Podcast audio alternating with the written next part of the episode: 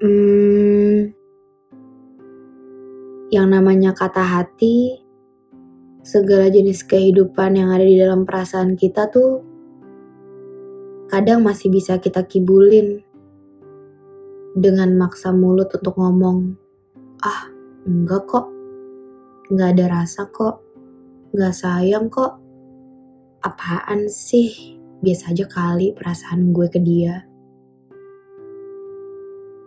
Semua kebohongan paling bohong itu terpaksa gugur ketika alam semesta memposisikan kita di dalam sebuah ruang sempit bernama peduli. Karena buat saya, peduli adalah pekerjaan sukarela paling menyebalkan. Yang menyebalkannya lagi, nggak ada peduli yang nggak jujur. Semua peduli sifatnya ikhlas dan tulus.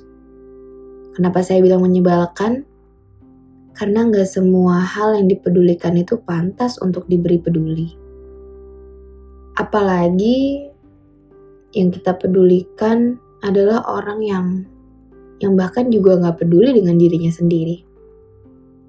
Yang yang ke kita pun dia sifatnya dingin, bahkan nggak tanggung-tanggung sangat jahat untuk mikirin perasaan kita aja dia kayaknya nggak ada di list hidup dia gitu.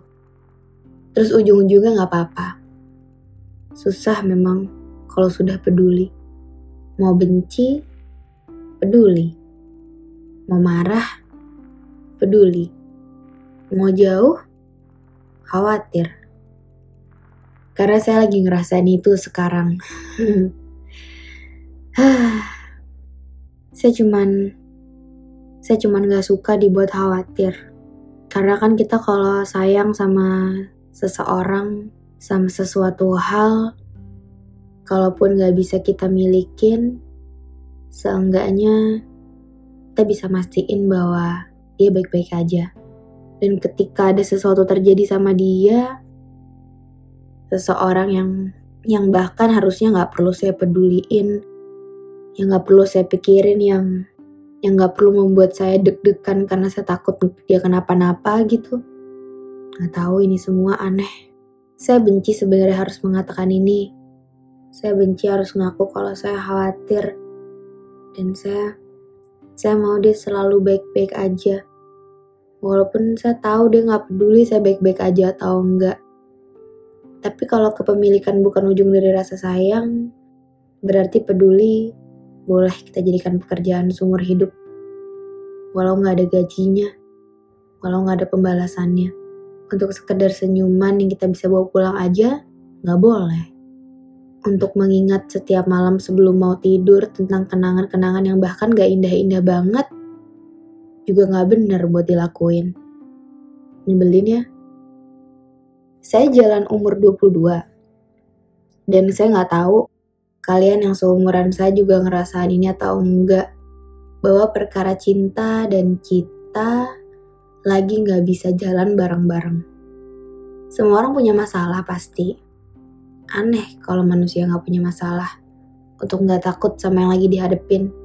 Untuk bisa selalu percaya diri sama mimpinya sendiri, menurut saya itu itu nggak manusia-manusia banget. Anggaplah saya juga manusia yang sama, yang juga sedang punya masalah, yang rasanya ingin punya satu orang untuk pulang selain rumah. Saya sempat nanya ke salah satu teman saya, Kira-kira kalau lagi kayak gini, lagi punya banyak masalah kayak gini, punya pacar tuh jadi jalan keluar gak sih? Atau nambah masalah?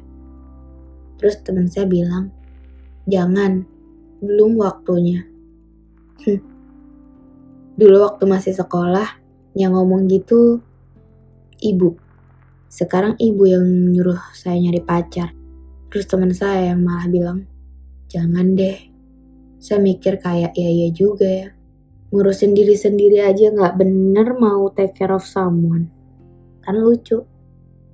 Entahlah makin dewasa saya makin asing dengan sebutan pacar atau pacaran. Gak tahu ini trauma atau kapok atau males dapet sebuah hubungan kayak yang sebelumnya. Di mana istilah pacar lebih ke bukan sebuah hubungan tapi sebuah hak kepemilikan dan itu membuat saya capek. Capek harus apa-apa minta izin. Capek harus takut menyakiti perasaan seseorang cuman karena saya ingin melakukan hal yang membuat saya senang. Saya mau jalan bareng gitu, bukan jalan di belakang dia atau dia jalan di belakang saya. Ya misalkan saya jatuh terus dia bisa nolongin saya atau mencegah saya jatuh saya nggak mau. Saya mau kita sama-sama jatuh terus sama-sama bangkit. Beriringan. Karena buat saya untuk berada di sebuah hubungan itu ya saling. Nggak bisa berat sebelah nggak bisa ada yang lebih dominan. Entahlah mungkin ini akan terdengar aneh dan mungkin saya yang nggak normal untuk ngerasa ngerasa takut saling bergantung. Karena buat saya salah aja kalau prinsipnya saling bergantung. Karena saling bergantung itu hubungannya searah ke diri sendiri bukan ke orang lain. Sama pacar sama teman sama suami mungkin itu itu saling support saling tapi nggak bergantung karena buat saya bergantung tuh berat lah maknanya bayangkan aja gitu ya Bayangkan kalau hubungan saling bergantung itu adalah hubungan seorang perempuan dan laki-laki. Kayak kita bergantung di sebuah tali yang tali yang sebenarnya nggak nggak bisa me menjanjikan apa-apa ke kita gitu. Nggak bisa kasih janji bahwa tali itu nggak akan rapuh dan akan selalu kokoh. Membiarkan kita bergantung di sana. Saya, saya kira itu itu nggak mungkin karena saling bergantung ujung-ujungnya jadi saling mengorbankan dan saya saya pribadi nggak nggak bisa menerima cara kerja itu.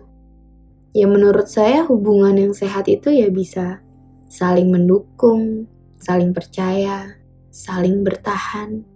Dan rasa sayang nggak boleh menjadikan satu individu untuk merasa punya hak milik atas individu lain kita berbagi hati sebenarnya bukan memberi hati kita seutuhnya itu salah menurut saya. Itu bahaya. Akan lebih dewasa dan lebih baik kalau ketika kita sayang sama orang, itu kita berbagi hati. Supaya kita masih punya sisa untuk kita simpan. Untuk kalau dia pergi kita bertahan. Saya cuma takut kehilangan diri saya sendiri karena saya sayang sama orang lain. Itu bisa terjadi sama siapa pun fase-fase di umur 20-an ketika yang ada di kepala lebih ribet daripada benang kusut. Bahwa kadang yang perlu dilakuin cuman cuman pulang. Karena ujung-ujungnya yang nolongin saya ya saya, saya sendiri gitu. Yang kita tahu cuman dapat masalah dan gimana caranya sembuh terus sadar kalau ternyata yang mesti dipikirin bukan cuma gimana caranya sembuh, tapi gimana tetap hidup setelah sembuh. Terus pas udah sembuh, juga baru inget kalau masih bisa kambuh.